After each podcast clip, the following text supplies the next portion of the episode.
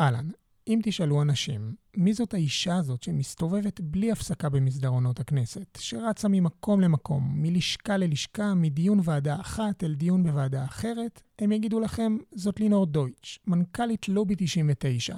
היא נמצאת בכנסת הרבה ונפגשת עם לא מעט אנשים. לינור, כמו שאר הלוביסטיות והלוביסטים הציבוריים שלנו, עובדת עם הח"כים כמובן, אבל מאחורי הקלעים נמצאים אנשים שעשייתם משמעותית מאוד להצלחת עבודת הכנסת, ובמקרה שלנו, לשמירה על האינטרס הציבורי.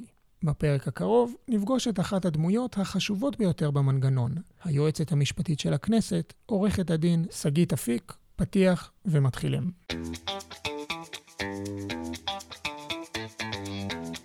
מילקו 99, הון, שלטון ומה שביניהם. שלום לכולם, כאן עורכת דין לינור דויטש, מנכ"לית לובי 99, ואני מארחת היום את אה, עורכת דין שגית אפיק, היועצת המשפטית של הכנסת. שלום, שגית. שלום, לינור. אה, זה מבחינתנו אה, פרק מאוד חשוב ומיוחד, כי באמת רוב העבודה של, ה, של הלובי היא בחקיקה, היא בוועדות, מבחינת העבודה בכנסת. אני כמובן לא מדברת על העבודה מול הממשלה, אבל בכנסת באמת, מה שאנשים, רוב האנשים מכירים זה המליאה, שמה שרואים בסוף את הנאומים ואת הסוף, אבל צריך להבין שכל הליך החקיקה בעצם מתבצע בוועדות הכנסת, בהליכים ארוכים, בשעות ארוכות, בדיונים ארוכים, ואלוהים נמצא בפרטים הקטנים. ושם באמת, בתוך הפרטים הקטנים ובתוך היד ימינם בעצם של רוב היו"רים, של בעצם של כל ועדה בכנסת, זה היועץ המשפטי. שהיועץ המשפטי, תפקידו הוא לייעץ ל- ליו"ר, הוא להסביר את הסעיפים, לנסח בסוף את הפשרות אליהם מגיעים, נכון? אז אנחנו נשמח שתסבירי לנו על זה קצת, אבל uh, לפני זה, אני רוצה שתציגי את עצמך בכמה משפטים. אוקיי, okay, אז נעים מאוד. אנחנו מכירות uh, שנים רבות ממסדרונות הוועדות, במיוחד מוועדת הכספים uh, ומהדיונים הארוכים שהשתתפנו בהם. Uh, אני אספר על עצמי. אני הגעתי לכנסת בשנת uh, 2001, אחרי שעבדתי כשנתיים וחצי במשרד המשפטים. יום אחד פשוט באתי לבקר חברה בלשכה המשפטית של הכנסת, וראיתי מדשאה ירוקה מהממת, ואמרתי, אין, זה מקום מדהים לעבוד בו. ואכן התחלתי בשנת 2001 כעוזרת ליועצת המשפטית לכנסת, שהייתה גם... גם היועצת המשפטית לוועדת הכספים. בשנת 2005 מוניתי ליועצת המשפטית לוועדת הכספים לאחר עזיבתה של עורכת הדין אנה שניידר את הכנסת. אה, ומשנת 2005 עד שנת 2020 אה, למעשה שימשתי כיועצת משפטית של ועדת הכספים, ואני אספר על זה מעט עוד מעט.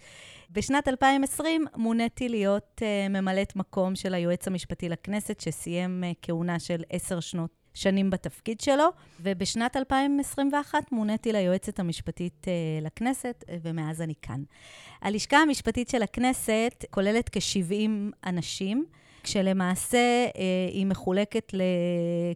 שלוש מחלקות, אה, אם לתאר זאת כך. רוב היועצים, כעשרה יועצים, מלווים את דיוני הוועדות, כי באמת, בדיוק כמו שאמרת, הצעת חוק מגיעה למליאה, אבל במליאה לא מתקיימים דיוני עומק. במליאה לא מתקיים דיאלוג.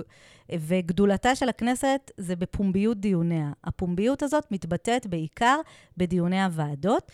לדיוני הוועדות בעצם מגיע הציבור כולו, מגיעים נציגים כמו לובי 99, ונציגים אחרים, אה, נציגי המשרדים הממשלתיים השונים ונציגי חברה אזרחית נוספים, ולמעשה הח"כים מקיימים דיון שהוא דיון מאוד מדויק, מאוד מפורט, ממש כדי לכתוב חוק צריך לעבור מילה-מילה, ולכל מילה יש משמעות, כי בסופו של דבר, כשיגידו מה הייתה כוונת המחוקק, אנחנו נחזור לאותם דיונים ונראה באמת למה הוא התכוון, והאם דנו באותו אה, עניין שהתעורר בדיעבד.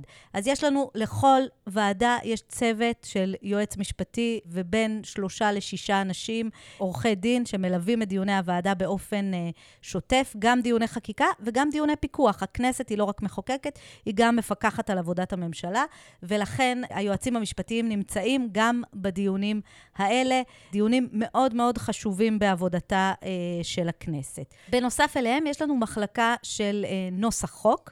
מחלקת נוסח החוק היא מחלקה מקבילה למחלקה שנמצאת במשרד המשפטים, והמטרה שלה היא, אחרי שכל ועדה מסיימת לנסח את החוקים שלה, אנחנו רוצים שספר החוקים שלנו יהיה כתוב באופן אחיד יחסית, ושמי שקורא אותו, קורא חוק אחד, לא ירגיש שהוא קורא חוק שנכתב אה, על ידי יועץ מסוים, אלא ירגיש שמדובר באיזשהו ניסוח אחיד, ולכן יש לנו מחלקה של נוסח חוק שהיא עושה היא מסתכלת על הניסוחים בעין ביקורתית יותר ומייצרת איזושהי האחדה לכלל הנוסחים.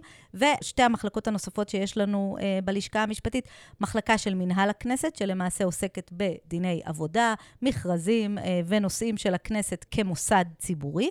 ומחלקה של ייצוג בערכאות. כשוועדה והמליאה מסיימת בעצם לחוקק את החוק, אה, החוק אה, יוצא לדרך ופורס את כנפיו, אבל כשהוא מגיע לבית המשפט בשאלות חוקתיות, גם לכנסת יש ייצוג שבעצם מביא את אה, דבר הוועדה, את ההיסטוריה החקיקתית, וגם מביא בפני השופטים את uh, כלל הדעות שעלו uh, באותו הליך, וגם את עמדת הייעוץ המשפטי לכנסת, כפי שהיא uh, ניתנה בהליך. אז קודם כל, אני חושבת שבאמת לא הספקתי בגילוי הנאות בהתחלה לדבר על היכרותנו המוקדמת וארוכת השנים, שאת הזכרת ככה במשפט. אני חושבת שהרהיטות שבה ענית עכשיו, ירית עלינו את כמות המידע המטורפת הזאת, מעידה מבחינתי יותר מכל על איך באמת את אחת הנשים היחידות, אני חושבת, שהגיעו לתפקיד יועמ"שית הכנסת, ולא בכדי. אני ככה אגיד גילוי נאות שאני באמת מכירה את שגית מ-2009, כשאני הגעתי כעוזרת פרלמנטרית לכנסת, והיא הייתה יו"ר ועדת הכספים. יו"ר ועדת הכספים, היא מבחינתי את היו"רית, יועמ"שית. את מבחינתי היו"רית, מי ש... אל תגלי ליו"רים, אני מנהלת את הדברים, כן. לא, יועמ"שית ועדת הכספים, אז באמת יש לנו הרבה מאוד קילומטראז' אה, ביחד, ושגית היא בעיניי, לא רק בעיניי, גם באופן כללי, אבל באמת אחת הנשים המשפטניות המבריקות, והנשים הבאמת מובילות שיודעות לנהל את אה, צעדיהן אה, בצורה, מצד אחד סופר מקצועית, מצד שני אינטליגנטית, חכמה, אנושית, וזה לא בכדי, מה שנקרא. הגעת בזכות ולא בחסד, אז פה זה היה גילוי נאות, לא, של, לא, לא מופע של חנפנות, אלא שבאמת של, של או, אה, הכרה והוקרה אה, אמיתיים שאני חשה. באמת, אני רוצה שנדבר קצת על, כאילו, לתפקיד היועמ"ש, כי בסוף הגעת עכשיו לתפקיד שבאמת אחד התפקידים המשפטיים הבכירים אה, אה, במגזר הציבורי אה, בדבר הזה, ואני רוצה להבין קצת אה, על תפקיד של יועמ"ש הכנסת, בעצם בשביל מי הוא עובד? האם את בעצם, את, את בשביל הח"כים, בשביל היו"ר, המוסד עצמו, כאילו כשאת צריכה אה, אה, לנווט את התפקיד שלך, לקבל את ההחלטות, את מי את מייצגת, נקרא לזה ככה, בשביל מי את צריכה בעצם לקבל את ה... אה, לתת את, ה, את האינפוטים? אז אה, נבחין בין לתת את האינפוטים לבין אה, את מי אני מייצגת. אז קודם כל, אני בשירות הציבורי, אז אני מייצגת את אינטרס הציבור. זה בראש ובראשונה, כל, אה, בעיניי, כל מי שעובד בשירות המדינה, הוא עובד בשירות הציבור. זה הדבר הראשון. כיוון שאני יועצת משפטית, אז אני מייצגת גם את הדין המשפטי, ואני בעצם חוסה תחת uh, קורתו, ואני עומדת בתנאיו, uh, בין, אם זה, בין אם זה הדין המשפטי שהוא מכוח החקיקה, ובין אם זה הדין המשפטי מכוח פסקי הדין וההלכות המשפטיות שהתגבשו uh, ביחס אליו לאורך השנים. אה, היועץ המשפטי לכנסת, תמיד מסתכלים עליו כעל אה, אחיו הקטן, אחיו הצעיר של היועץ המשפטי לממשלה, ולמעשה זה לא כל כך מדויק. מדובר בשני מוסדות אה, מקבילים אמנם, כל אחד מהם מייצג רשות אחרת, אבל שיטת העבודה של היועצים המשפטיים שונה. בעוד שמוסד היועץ המשפטי לממשלה הוא מוסד מגובש שנים רבות, ואפשר לראות שיש הנחיות יועץ משפטי לממשלה, ועמדתו מחייבת את הממשלה, וחוות הדעת שלו מחייבת את את הרשות המבצעת ומשרדיה. לעומת זאת, היועץ המשפטי לכנסת הוא אכן צעיר יותר מבחינת מעמדו, מאז ומעולם היה ייעוץ משפטי לכנסת, אלא שבשנת 2001 נחקק חוק שהסדיר את מעמדו ותפקידיו של היועץ המשפטי לכנסת. עד שנת 2001 גם היה ייעוץ משפטי לכנסת, אלא שנציגיו של היועץ המשפטי לממשלה היו סוג של נאמני חברי הכנסת, נאמני הכנסת, ולצד זה שהם ייצגו את הממשלה כלקוחה שלהם, הם גם ייצגו את הדין המשפטי בוועדות הכנסת והתבוננו גם הם כנאמני חברי הכנסת ונתנו עמדה שהיא בעצם אה, משפטית אובייקטיבית יותר. ברבות השנים חברי הכנסת גילו שהם זקוקים למידע שהוא אה, משפטי, שהוא יותר נאמן עליהם, שהוא שלהם מבית, וכך בעצם נחקק חוק, אה, התיקון לחוק הכנסת, שבו נקבעו תפקידיו של היועץ המשפטי לכנסת. עמדתו של היועץ המשפטי לכנסת, או היועצת במקרה, במקרה שלנו, היא לא מחייבת את חברי הכנסת. אני יכולה אה, לסקור בפניהם אה, תזה משפטית אה, שבה אני אציג את החקיקה הרלוונטית, ואני אמליץ להם על אה, אה, תיקונים מסוימים שעומדים ברוח הפסיקה, וחברי הכנסת יאמרו לי, נעמת לנו מאוד, ועמדתך אה, נשמעת לנו משפטית אה, מדויקת להפליא, ויחד עם זאת, אנחנו הריבון, אנחנו המחוקק, ברצוננו לחוקק את החוק בדרך אחרת. אה, וזה המבנה של הייעוץ המשפטי שלנו. יש שיראו בכך אה, חיסרון, אני אה, שנים רבות נמצאת במערכת כאן, אני רואה בזה יתרון גדול מאוד. אה, היתרון אה, הזה, יש לו בעצם שני ראשים. הראש האחד הוא שמרגע שחברי הכנסת יודעים שאני משוחררת מלחייב אותם איך לנהוג ו- ומה לעשות, יש להם אמון רב בי. ויש כבוד מאוד גדול ללשכה המשפטית של הכנסת בתוך הכנסת, וזה לא דבר של מה בכך, בוודאי לא במציאות הפוליטית הקיימת, ואולי גם uh, זו של uh, עבר. והדבר השני, גם אני, כשאני באה בפני חברי הכנסת, אני באה בענווה רבה, ומתוך הידיעה שכיוון שעמדתי בסופו של דבר לא תחייב, אני לא שוקלת שיקולים פוליטיים, אני לא שוקלת שיקולים של uh, מה יקרה אם אומר כך או אחרת, אני אומרת הכל. אני מציגה בפניהם את התמונה המלאה, ואולי אם הייתי צריכה לחדד בסוף בסוף מה עושה פה היועץ המשפטי לכנסת, אז היועץ המשפטי לכנסת פה, התפקיד שלו לחשוף בפני חברי הכנסת את כלל האינטרסים, את כלל הגורמים, את התמונה המלאה, לייצר שקיפות הכי גבוהה שאפשר בתוך ההליך, בתוך הליך החקיקה וגם בתוך הליך הפיקוח, אה, לדברר בעצם את, אה, גם את עמדות החברה האזרחית וגם את עמדות אה, נציגי הממשלה, מתוך נקודת המבט המשפטית. ומתוך הצגת התמונה המלאה, יש לי גם את היכולת להציע להם חלופות שונות, כשאני לא מתאהבת באף חלופה, כי שוב, עמדתי לא קובעת, ולכן אני יכולה להציע... להציע להם אה, הרבה חלופות, ואולי אפילו לדרג אותן בין אה, החלופות, אה, זו מתאימה יותר, זו נכונה יותר, ולנסות לכוון לחוק הטוב ביותר. אלייך מכל סיעות הבית. פונים בעצם. אליי מכל סיעות הבית. אה, אחת החוזקות בעיניי של הלשכה המשפטית זה שביום אחד פונה אלינו האופוזיציה בשאלה פרוצדורלית מסוימת, והתשובה היא X, והם יודעים שכשהם יהיו בקואליציה, ככל הנראה התשובה תהיה גם היא אותו X אה, אה, מדויק, ולכן יש אמון רב בתשובות שלנו. אמון שהוא באמת קריטי במצב הפוליטי מאוד. הנוכחי, המצב שבאמת הלשכה היא לא, תלו, היא לא תלויה פוליטית, היא אובייקטיבית, היא תתפס כאובייקטיבית, זה, יש לה מעמד שהוא באמת, אה, כמי שעזבו כאילו היגיון בריא, באמת, כמי שמסתובב פה במסדרונות, אני יודעת שיש ערך רב ללהגיד, זו דעת אה, הייעוץ המשפטי, זו דעת הלשכה המשפטית, זה באמת אה, בעיניי אחד הדברים החשובים לשמור את המקום הזה, וזה אה, מדהים. אז אני באמת רוצה שנדבר, כשאת בעצם, זה קצת מעניין שאת בחרת להציג את עצמך, כל אחד בוחר קצת להציג את עצמו אחרת, ובעצם, נגיד, למשל, דיברת על הקריירה שלך, ולא דיברת בכלל, למשל, על העובדה שאת אימא לארבעה ילדים, שזה, את גם אישה וגם אימא לארבעה ילדים, כשבעצם את ה, את ה, אחד הדברים שבאמת הכי הפכו להיות מוכרים איתך, זה שאת ה, את הקטנה, את אמילי, באתי איתה לדיונים, והסיבה שאני זוכרת את זה, כי כשאני באמת, זה היה לפני כבר, הבן שלי הקטן, איתמר, שהוא בן חמש וחצי, בדיוני הרפורמה בבנקים, אני הגעתי איתו בעצם, הם התחילו אחרי שאני הייתי אה, אה, תשעה ימים אחרי לידה.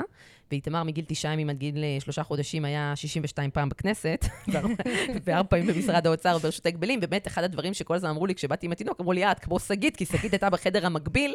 אה, אני חושבת שאמילי ואיתמר בגילים מקבילים, הייתה בחדר המקביל, באמת, את כאילו, באתי מה... את בעצם הפכת את זה לנורמטיבי, שאני באה עם התינוק לדיונים, כי הנה, אם שגית, היועצת המשפטית שלי, המפורסמת והידועה, מגיעה לוועדת, ה, לוועדת הכספים עם התינוק, אז, עם התינוקת, אז אין בעיה שגם אני אגיע, ומהבחינה הזאת, זו התנהגות שהיא באמת פורצת דרך גם לאחרות. את יכולה קצת לספר על החוויה הזאת, ואיך כאילו, איך זה התקבל, ואיך בכלל הגעת למצב שאת יושבת בדיונים שעות ארוכות עם תינוקת על הידיים, עם יו"ר ועדה, שמשה גפני, שהוא אה, חרדי, מסיעת שאין בה נשים, זה, יודעת, זה, זה, זה, זה כל הסיפור הזה, כל סטנציה היא משעשעת, אני אשמח לשמוע על זה קצת. אז אני, אני אתחיל קודם לכן. אז באמת יש לי ארבעה ילדים, אה, וכשנולדה בתי השנייה, הוצע לי התפקיד אה, של יועצת משפטית לוועדת הכספים. שזה ו... היה מתי, באיזה שנה? בשנת 2005. ואני ככה הרגשתי שיש לי שני תינוקות תינוקות קטנים בבית, ושזה לא מתאים, וגם הייתי צעירה יחסית. אז אמרתי, תודה, אבל לא תודה. יש לי שני תינוקות בבית, ואני אוותר על התענוג. תהיינה עוד הזדמנויות, הרגשתי שגם אה, זה, אגב, ויתור שאני לא, אני לא מכירה אף גבר שהיה עושה ויתור זה, כזה, יש זה, לציין, זה אבל מדי, כן, מגדרי אה, לגמרי. זה מדי כן. מוקדם. ואז אה, חבר הכנסת אה, ליצמן, שהיה יושב ראש הוועדה, התקשר אליי, והוא אמר לי, לא, לא, לא, לא הבנתי, את לא, למה את לא עולה על המכרז? אז אמרתי לו, תשמע, אני אימא לשני ילדים קטנים. אני לא בטוחה שהעבודה התובענית בוועדת הכספים אה, תתאים אה, לשלב עם אה, אימהות אה, כה צעירה. והוא אמר לי, תראי, אני חייב לומר לך שאם היית אומרת לי שאת אה, לא מספיק אה, מקצועית ולא מספיק אה, אה, טובה ולא מתאימה לתפקיד, אז אה, ניחא, הייתי אומר בסדר. אבל הטענה שאת אה, אימא ושאת אה, צעירה, זה מסוג הפגמים שאני מבטיח לך שאת תתקני מדי יום. וחוץ מזה, אני מסכים שתצעק עליי כל ערב רק... מי שמחזיקה תינוק ביד אחת, ביד השנייה בוחשת במרק, ובטלפון צורחת עליי, אתה לא מצביע מחר, כי עדיין לא כי סיימנו את הליך החקיקה.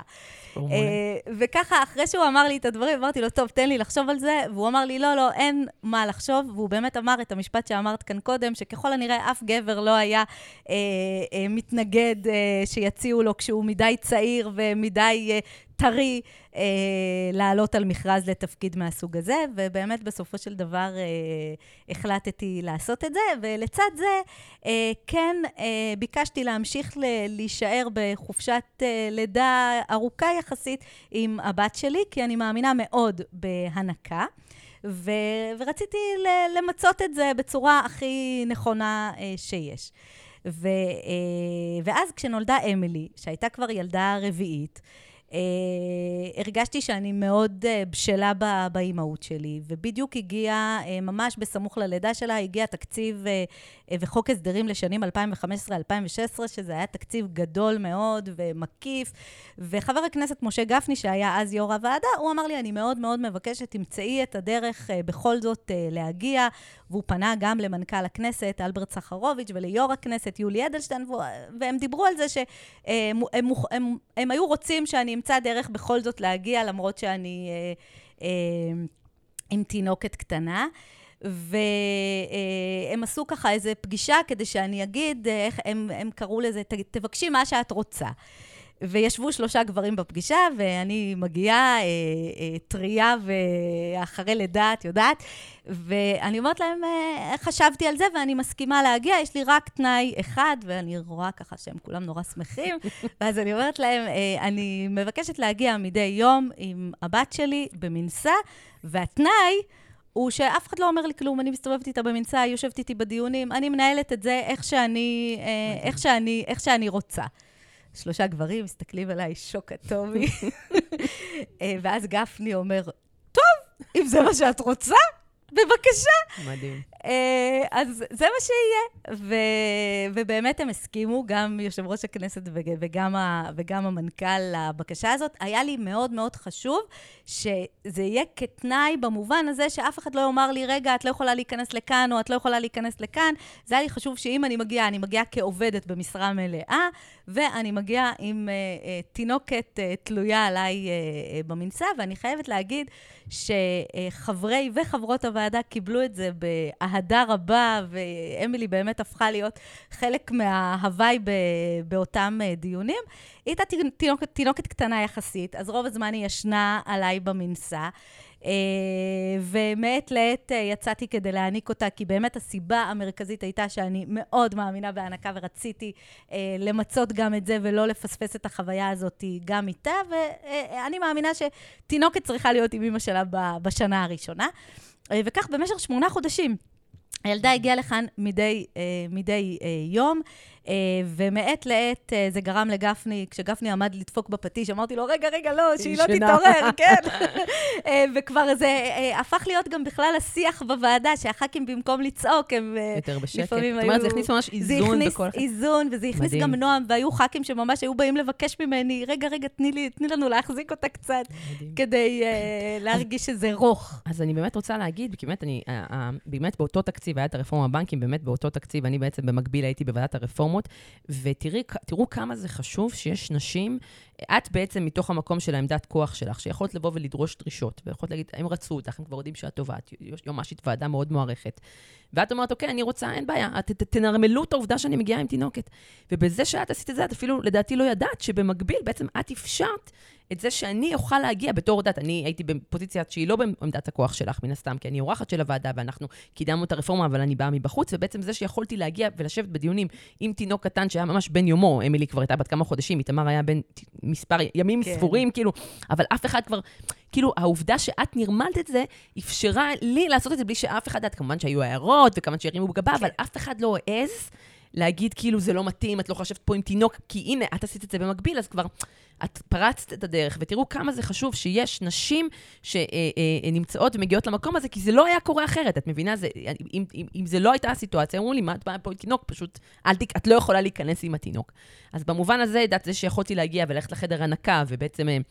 אה, זה שעשו בכלל חדר הנקה בכנסת, נכון, זה גם נכון, משהו שהוא לא מובן מאליו. נכון. זה משהו יחסית היה חדש באותם נכון. שנים. אז כל ה... כל, והיה שם מקרר קטן לשים את האם את שואבת. כאילו באמת, כל, ה, כל התנאים האלה שבאמת מתפתחים ככל שנשים יותר אה, נמצאות פה, ולמרות מיעוט הח"כיות היחסי, אה, אני חושבת שזה הדבר הזה, והעובדה שכאילו באמת מישהי שהיא כאילו רמת דרג, דרג אה, אישה ואימא, ולא, והאימהות היא לא משהו שהוא מפריע, אלא פשוט משתלב, אה, זה מכניס פה איזון בסביבה שהיא מאוד מאוד גברית ומאוד אה, כוחנית, אה, ובעיניי זה, זה מדהים. אז רק רציתי, אה, הסיפור הזה הוא באמת אה, אה, חזק מאוד בעיניי. אה, אז בואו נדבר קצת על, על באמת ה... ה- על, ה- על ה- כל הנושא של הוועדות, ובעצם ב-1 לפברואר 2016 אה, בעצם נכנס אה, לתוקף התיקון שאנחנו אה, יזמנו והעברנו יחד עם דוד ביטן בימים שהוא היה יו"ר ועדת אה, הכנסת, כנסת. שבעצם מג- מגביר את המגבלות שחלות על, אה, על הלוביסטים. צריך שנייה להגיד למי שמאזין לנו, בעצם ב-2008 עבר החוק הראשון של חוק הלוביסטים, שאותו העבירו שלי יחימוביץ' וגדעון סער, והמגבלה המרכזית בו היה שהלוביסטים היו צריכים להירשם בכנסת ולענות צרוך כתום. מאז היו ממש אה, אה, מספר רב של הצעות, אני חושבת שבסביבות ה-12-13, הצעות חוק שונות שהגישו ח"כים להגברת המגבלות על הח"כים, וכולם נכשלו כישלון חרוץ, עד שאנחנו בעצם באנו ב-2015 עם ביטן בתור יו"ר ועדת הכנסת, והצלחנו להוביל אה, לתיקון החוק, ש... אה, אה, שבעצם אחת המגבלות, באמת, אה, אחד הדברים שהצלחנו להכניס, שבעצם איסור על הלוביסטים להגיע ללשכה המשפטית, איסור על הלוביסטים להגיע לממ"מ, שזה מרכז המחקר והמידע של הכנסת, אה, ועם אה, חובת צינון לעוזר פרלמנטרי של חצי שנה לפני שהוא הופך להיות לוביסט, ועוד כהנה וכהנה מגבלות. א', הייתי רוצה לשמוע, אה, חובה של הלוביסט להירשם, זה הכי חשוב, סליחה, להירשם בפרוטוקול של הוועדה שהוא נמצא בכנסת ולכתוב איזה לקוח הוא מייצג.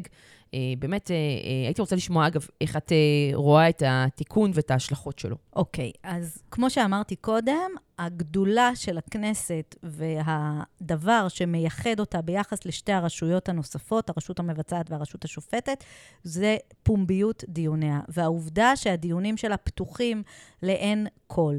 ולשקיפות הזאת, שהיא אולי נראית אה, פשוטה על פניו, יש לזה רבדים הרבה הרבה יותר אה, עמוקים.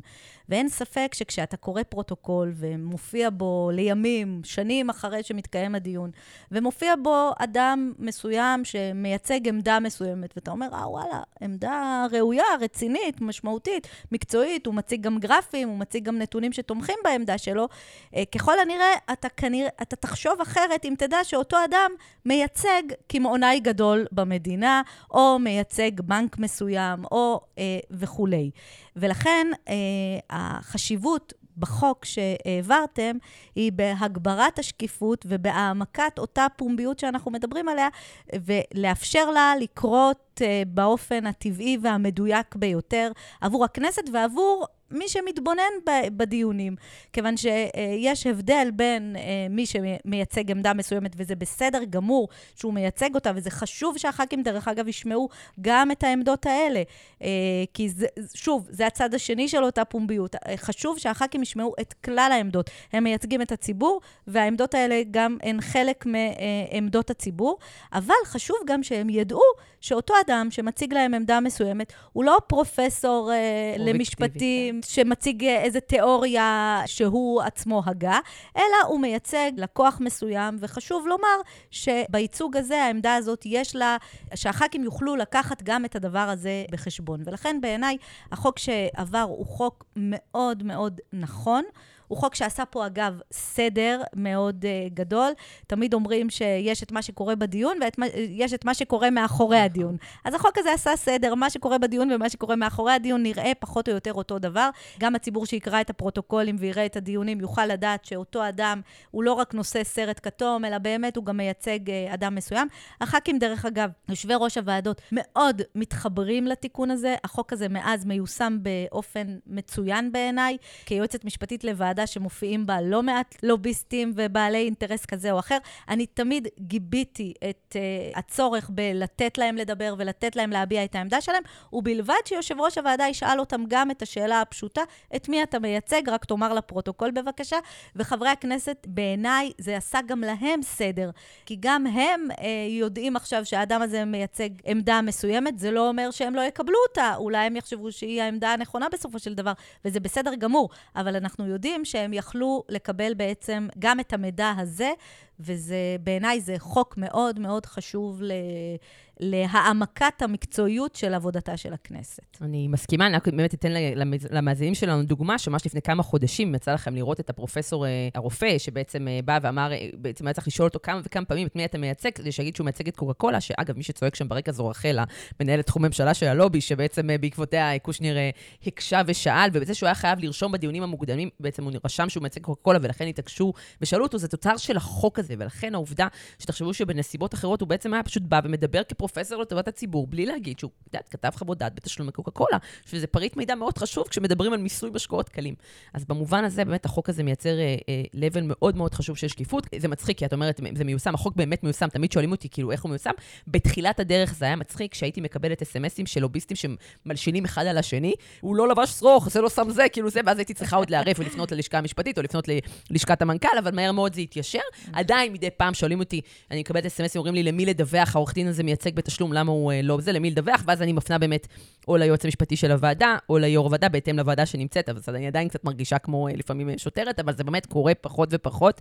במובן הזה הכנסת באמת התיישרה מדהים בהתאם לחוק הזה, אז אני שמחה לשמוע שגם את חושבת ככה. באמת מעניין אותי לשמוע, לקראת סיום, את החשיבות שאת רואה של תפקיד החברה האזרחית בדיונים בכנסת, במעורבות, בעבודה מול הח"כים, כאילו, איך את רואה את זה כמי שבאמת רואה את כל מי שמגיע לדיונים. כמו שאת אומרת, צריך לשמוע את כולם. אנחנו בעד גם שהמגזר העסקי ישמיע את קולו, הבעיה היא שהרבה מאוד פעמים זה לא מאוזן, הרבה מאוד פעמים גם לא, צריך, זה צריך להיעשות בגילוי נאות, צריך להבין שיש כזה, וכאילו, יש, יש דרך לעשות את זה, הרבה פעמים זה באמת רק צד אחד נשמע, ולכן אני כן הייתי שמחה לשמוע איך את רואה את המעורבות של ארגוני החברה האזרחית, כמה את רואה נגיד שיפור בזה במהלך השנים, אם בכלל, אני לא יודעת, כאילו הייתי שמחה לשמוע את, ה, את העמדות שלך בנושא. אוקיי, okay, אז uh, בעיניי, הח"כים, בסופו של דבר הם נבחרי ציבור.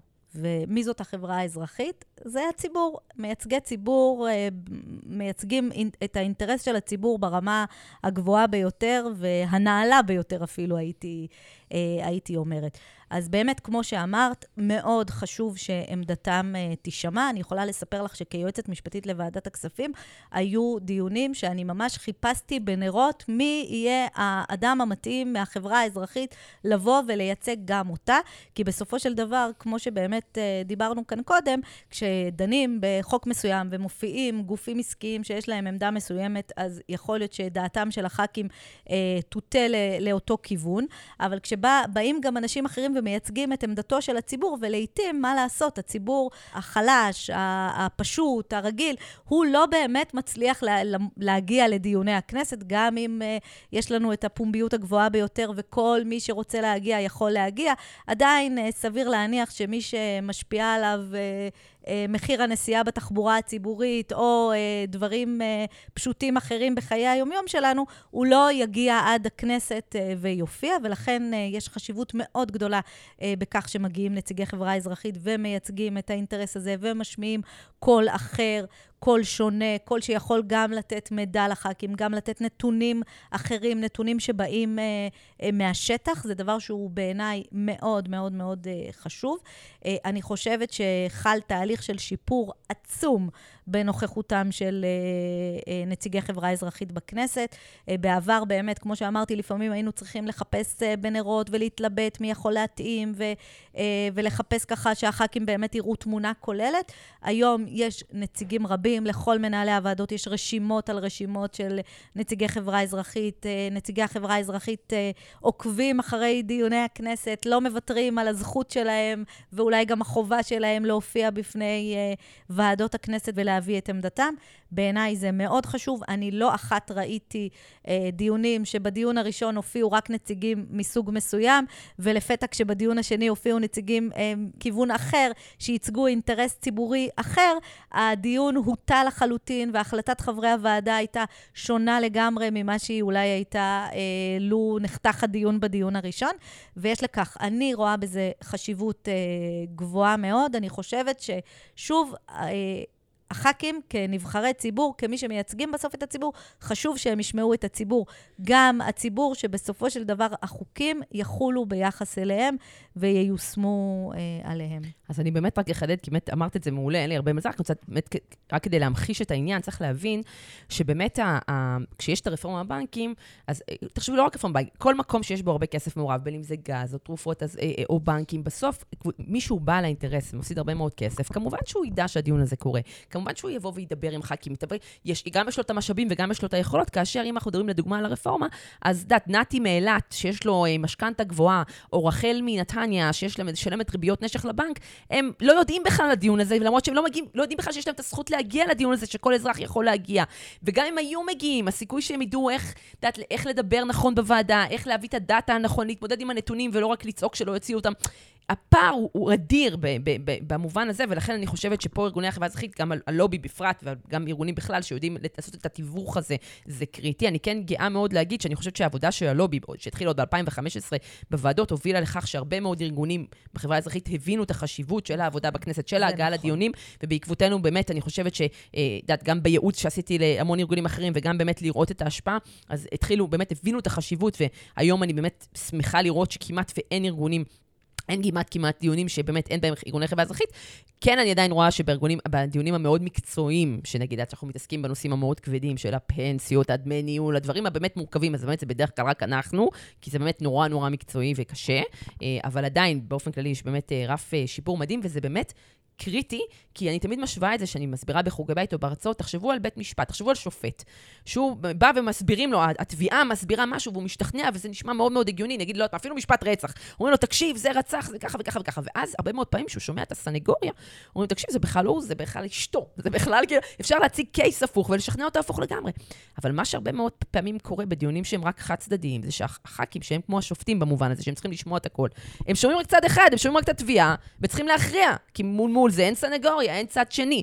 ואז החלטות מוטות פעם אחר פעם לטובת צד העסקי, ולכן בעיניי הקריטיות של המעורבות של הציבור בהליך החקיקה, אה, לכל, לכל, אגב, עוד מתהליך, אני בכלל הרבה, יודעת, עוד מהממשלה, כן? אבל לכל אורך הדרך של הליך חקיקה היא באמת קריטית, ואני חושבת שהעובדה שבאמת אה, גם הייעוץ המשפטי, אה, אני חושבת שגם עלה מדרגה מאז שאת נמצאת, שבאמת הקשב להערות הציבור הוא באמת מאוד גבוה. מאוד גבוה.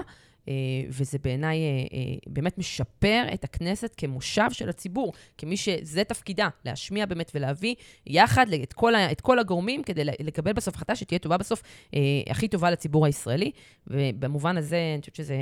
נכון, וזה גם ביחס לשני סוגי הדיונים. בחקיקה זה אפילו יותר מהכרעה שיפוטית, כיוון שהם לא רק שהח"כים צריכים להחליט איך תיראה החקיקה, הם גם ממש מחליטים בפרטים הקטנים ביותר איך היא תיושם ואיך היא תיעשה.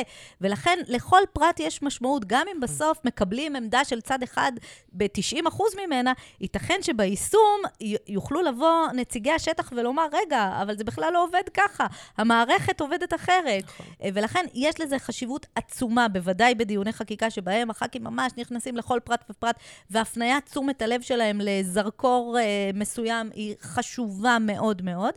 וגם בדיוני פיקוח, הרבה פעמים אני יכולה לומר שאת הפנית את תשומת ליבי כיועצת משפטית, ואמרת לי, תקשיבי, יש פה עניין מסוים שאתם חייבים לפקח עליו, הממשלה מתנהלת כך, רגולטור X מתנהל כך, אתם חייבים לשים לב, ואז הוועדה מקיימת דיון פיקוח, כשבאופן אחר אולי היא לא הייתה מקיימת אותו, כי לא תמיד אנחנו חשופים לכל מה שקורה בממשלה, והפניית תשומת הלב הזו, שבאמת אני אומרת, לאורך השנים, פעמים רבות יצא לך אה, לפנות ולה, ולהפנות את תשומת הלב של יושב ראש ועדה, של הייעוץ המשפטי, שימו לב שיש פה עניין שאתם חייבים לשים לב אליו. ודיוני הפיקוח האלה, הם מעוררים שינוי גם ברשות המבצעת, גם אצל הרגולטורים, שהם, דיוניהם לא פומביים. נכון. שהם, דיוניהם אה, בעצם נעשים אה, באופן מקצועי יותר אולי, אבל, אבל בחדרים, בחשכים, בחדרים כן. סגורים, נכון. ולא תמיד לחדרים הסגורים האלה אפילו יש פרוטוקול, אבל כשזה עולה לרמה של דיון בוועדת כנסת, ובוועדה שוקלים את כל השיקולים, והח"כים מתחילים לשאול שאלות, והח"כים לא מוותרים בדיוני פיקוח, ובסופו של דבר גם הם יכולים לקבל החלטה ולבקש uh, מהממשלה לחזור עם תשובות, עם נתונים, זה מייצר איזשהו תהליך של שינוי, וגם פה בעיניי לחבר... לנציגים של החברה האזרחית יש אה, אה, השפעה עצומה, ואני באמת חושבת שממש בשנים האחרונות זה, יש, אה, זה הרבה יותר משיפור ניכר, כן, באמת. אני חושבת כן. שזו השפעה מאוד מאוד אה, גדולה וגבוהה על דיוני הכנסת ושקיפותם. אז אני מסכימה, ואני רוצה להגיד גם שבאמת צריך להבין תראו כמה חשובה, אתם שומעים פה את היועצת המשפטית של הכנסת, אבל זה משהו שאני כל הזמן, זה נורא כיף לי לקבל שאת הגושפנקה הרשמית לדברים, כי אני כל הזמן מסבירה כמה חשובה הכנסת במובן של הפיקוח. תחשבי ששנתיים וחצי לא היה לנו כנסת, אנחנו רצינו למות בצורך, זה נשמע קצת דרמטי, אבל אנחנו עובדים המון מול הרגולטורים הפיננסיים, מול הממונה על שוק ההון, רשות ניירות ערך, המפקח על הבנקים, הממונה על התחרות, שהם כולם גורמים מקצועיים, אנחנו עובדים המון מולם, אוקיי? והעובדה שלפעמים אתה צריך ליישר או לקבל הסברים, או להבין למה משהו מתנהל ככה ולא אחרת, וזה שאפשר באמת לבוא לוועדה, ולבוא ול... שלוועדת הכספים או לוועדת הכלכלה, יש סמכות לזמן אותם, לערוך על זה דיון פומבי. בואו תסבירו למה. את יודעת, אנחנו יכולים לפעמים להוציא מכתבים או להפריע או לעשות את זה, והאייטם הזה לא תמיד מזיז. והעובדה שיש את הסמכות של הפיקוח, ולבוא וצריכים להסביר, וצריכים לזה, פתאום ח"כים שואלים שאלות, פתאום אה, דורשים תשובות. זה, זה, זה גם מייצר הרתעה מאוד גדולה מולם, וזה באמת גורם לכל המערכת להתנהל בצורה נקייה יותר. כי אם הם יודעים שהיום יושבים בשקט עם חברות הגז, ואף אחד לא אומר להם שום דבר, אבל פתאום מזמנים אותם לדיון, אומרים, סליחה, אבל למה זה ככה ולא ככה? פתאום יש מישהו ששואל, וזה פומבי, וזה מצולם, ויש תקשורת. זה עולם אחר לגמרי, ולכן נגיד, למשל, בשנתיים שלו, של הבחירות המתמשכות, שלא הייתה כנסת, בעינינו, זה הייתה, זה בעיניי פגיעה כל כך עמוקה בציבור הישראלי, לא רק במובן של התקציב שלו מועבר והחלטות שלא מתקבלות, אלא באמת באלמנטים הכי עמוקים של הפיקוח על מה קורה בממשלה. לא סתם יש הפרדת רשויות, התפקיד של הכנסת כגורם מפקח על הממשלה הוא קריטי, קריטי, וכשהכנסת לא מתפקדת, מי שראשון להיפגע הוא הציבור הישראלי, ולכן בעיניי, בקטע הזה של, כמו שאת מתארת, של, של הפיקוח, והמקום הזה שאתה יכול לבוא לקרוא ול... אין לזה תחליף, אין לזה תחליף, ולכן רק בשביל זה אני חושבת שחייבת להיות באמת יציבות של כנסת מתפקדת לאורך זמן, כי העובדה שכנסת לא מתפקדת, זה, אני ראיתי את זה בעיניים, את הנזקים שזה מייצר, את ההרתעה שאנחנו מאבדים, ולכן מבחינתי זה, זה טוב שציינת את, את, דווקא את הדבר הזה, כי בעיניי זה אחד הדברים הכי חשובים שהכנסת עושה, נכון. אה, ושאין לה תחליף, אין מישהו אחר. אין נכון, מישהו אחר. נכון, כאילו נכון, ברור... נכון. הרבה פעמים הציבור מתבונן בדיוני הכנסת ורואה את הרגעים היותר צהובים, נכון. את הרגעים שהח"כ צועק או מקלל, או, או, או יש איזו מריבה בין אה, כל מיני חברי כנסת דווקא על עניין פוליטי. אבל צריך להבין שמתקיימים כאן דיונים של שעות על גבי נכון. שעות, שאותם ככל הנראה פחות צופי, יש להם פחות צופים ופחות ביקוש, אבל יושבים ח"כים מבוקר ועד ערב, לא קמים מהכיסא, מנסים באמת uh, להגיע למסקנות, להחלטות, לשנות עמדות. לעשות, לשנות uh, יישום שנעשה ברשות המבצעת, וזה באמת באמת מאוד מאוד uh, uh, חשוב. ואחד הדברים אולי שבסוף מצלמים את הרגעים היותר פיקנטיים האלה, זה בגלל שהח"כים מצולמים כל הזמן, הזמן כן. הדיונים שלהם כל הזמן משודרים. אה, אני תמיד, אה, כשאני מופיעה ב... אצל אה, תלמידי תיכון, אז אני אומרת להם, תחשבו שהחדר הזה עכשיו מוקף מצלמות, ונכנסת עוד מצלמה ענקית לחדר. האם ברגע הזה שהיא נכנסת, אתם לא תרצו להתבלט באיזה דרך, לשים ליפסטיק, לסדר את נכון. השיער, לתת איזה... אז ככה הח"כים, ברגע שנכנסת המצלמה הגדולה מאחד הערוצים אולי, אז הם פתאום צועקים כדי שהי, היי, תראו אותי. אבל יש הרבה ח"כים שלא צועקים, שעושים עבודה מופלאה, את בוודאי מכירה אותם. נכון. הציבור אולי מכיר אותם פחות. אה, אה, וזה נכון שתפקידה של הכנסת בפיקוח הוא קריטי, כי חברי הכנסת הם אנשים שלא מוותרים בסופו של דבר על קבלת תשובות, והם מרגישים מתי הרשות המבצעת מנסה ללכת בין הטיפות, והם לא מוותרים על uh, העברת נתונים, וזה באמת מאוד מאוד uh, חשוב. בתקופות בחירות יש שתי ועדות שממשיכות לעבוד, זו ועדת הכספים וועדת חוץ וביטחון, אבל ברור שהפיקוח הוא לא אותו פיקוח שאתה עושה בזמן עושים רגיל. עושים שוטף, עושים ו- דברים חייבים. בדיוק, עושים דברים שחייבים, וזה עובד אחרת, ואין ספק שיש חשיבות גבוהה מאוד לכנסת מתפקדת. אני רק רוצה באמת להוסיף עוד נקודה באמת אחרונה, מה שאמרת עכשיו מאוד מאוד חשוב, על הקטע של באמת ה... העובדה שהציבור, לצערי, שסופג בסוף את הח"כים רק דרך הרגעים הצהובים בתקשורת, שבסוף זה נורא מתסכל, כי אני יודעת, אני רואה את הכנסת מבפנים, ויש ח"כים באמת מעולים. צריך להבין שבסוף מה שאתם רואים זה בסוף את ה... לא יודעת מה, זה שמקלל, או את זה שמוציא את הספרי, או דברים באמת שהתקשורת רק עושה את הדברים הצהובים של הריאליטי, אה, כשבסוף הח"כים באמת יושבים עשרות שעות של עבודה, את יודעת, באמת, אני רואה דיונים, את יודעת, יכולים לשבת לפעמים 12 שעות בדיונים, אנשים לא הולכים לישון, כאילו באמת, שעות מאוד ארוכות של אינטנסיביים, ומילה פה ומילה שם, ואת זה בחיים לא תראי אותם, בחיים לא תראי בתקשורת, תראי רק את זה שהלך ועשה איזושהי סנקציה זולה, איזושהי סנסציונית, וזה נורא מבאס אותי. תמיד זה גם ביקורת שאני אומרת את זה גם לכתבים וגם לתקשורת, כי אני חושבת שזה מייצר איזשהו מעגל שגם גורם לציבור להעריך פחות הח"כים, נכון. ואז מי שהולך לפוליטיקה זה אנשים שבדרך כלל יהיו פחות טובים, וזה איזשהו מעגל קסמים שחייבים לשבור אותו. אה, אני משתדלת תמיד, כאילו, שאני גם מתראיינת וגם כשאני מדברת בחוג הבית, לדבר באמת על הח"כים שעושים את העבודה האמיתית, היסודית, ששמות שלהם פחות מוכרים אה, אה, לתקשורת, ואנחנו מאוד מקפידים גם לפרגן תמיד לח"כים כאלה בפומבי, אבל זה באמת חשוב מאוד שאת אומרת, כי צריך להבין שבאמת נעשית פה בבית הזה אה, עבודה, ותמיד שאני נורא מתוסכלת, שאני שומעת, אומרים, אה, 120 בטלנים, לא עושים כלום. וזה באמת לא נכון, זה נכון שיש ח"כים שעובדים פחות אה, בזה, תמיד יש, יש ויש, תמיד יש בכל קערה יש את התפוחים הרקובים, אבל בעיניי הרוב המוחלט, באמת, אנשים באים לעבוד, באים לשרת, בין אם זה את הציבור הרחב, בין אם זה הציבור ששלח אותם, אבל לא משנה, הם באים לעשות עבודה ועושים עבודה, ויש הרבה ח"כים שעובדים באמת נורא קשה, ולא מוערכים על כך, וזה באמת חבל שזה ככה. אז חשוב שציינת כן. את זה. Uh, זהו, אז אני חושבת שפה uh, כיסינו את הכל, אז באמת אני ממש ממש מודה לך. אני, אנחנו כמובן נמשיך את השיתוף פעולה uh, uh, uh, הנהדר שיש לנו, ואני חושבת שבאמת uh, uh, זכינו. אני יודעת שזה כאילו נשמע, אני מאוד מאוד, כשאת, כשאני, יודעת, היה מתח סביב מי ייבחר, מי שלא יודע, היה שם באמת, הייתה תחרות קשה, היה הרבה מאוד מועמדים, זה תפקיד מאוד מאוד נחשק, מאוד יוקרתי, והרבה מאוד מועמדים, וכשאני קיבלתי את ההודעה, אני מאוד מאוד שמחתי. ואני באמת בטוחה שתמשיכי לשרת אותנו עוד שנים רבות אה, אה, ומעולות, ובהמשך אה, ככה שיתוף פעולה פורה. בוודאי. אז תודה רבה על זמנך, שגית. תודה, תודה רבה, בשמחה. תודה. תודה לכם, להתראות. זהו, הגיע הזמן לסיים עוד פרק. אנחנו נשמח לדעת מה דעתכם עליו. אהבתם? תרצו לשמוע עוד פרקים נוספים הישר מאחורי הקלעים? כתבו לנו מייל, או חפשו אותנו ברשתות החברתיות, טוויטר, טיק טוק, פייסבוק, אתם כבר מכירים. למקרה שעדיין לא דירגתם אותנו בחמישה כוכבים בספוטיפיי או אפל, אל תהססו, ואם טרם הצטרפתם לקבוצת המאזינים שלנו בפייסבוק, אז קדימה.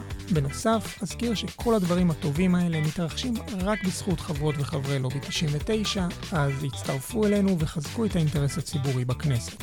לפני סיום, נאמר תודה לעורכות הדין לינור דולץ' ושגית אפיק, וכמיטב המסורת, שתפו הלאה את הפרק לחברים, משפחה ויועצות משפטיות או יועצים. יאללה ביי. מילקו 99, הון, שלטון ומה שביניהם.